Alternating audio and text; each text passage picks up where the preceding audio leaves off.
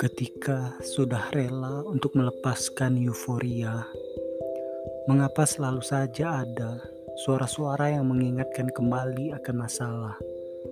Suara yang menggiring jiwa ke arah rasa bersalah, mengaktifkan lagi kegagalan yang sudah lama terlupa.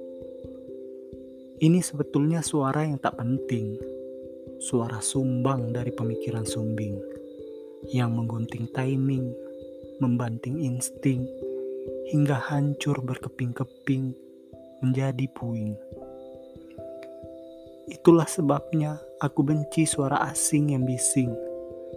Seringkali membuat gerak aktifku tak bergeming. What are you doing? When to make me cry? Or when to make me die? And why? Kenapa kau ingin melihatku bersedih? Kenapa kau ingin membuatku mati?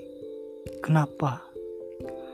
Kenapa engkau begitu suka berperan sebagai suara muram yang seakan penuh dendam? Bersemangat sekali menghujam muram begitu dalam. Apa aku pernah berbuat salah padamu di masa lalu? Apa di kehidupanmu yang dulu aku pernah jadi benalu? Atau aku pernah membuatmu menerima rasa malu.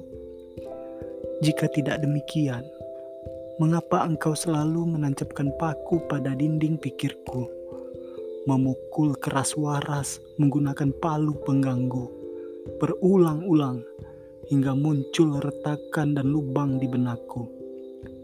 Janganlah, jangan menjadi badut pada acara pemakaman dan jangan menjadi hantu di sebuah party yang menyenangkan.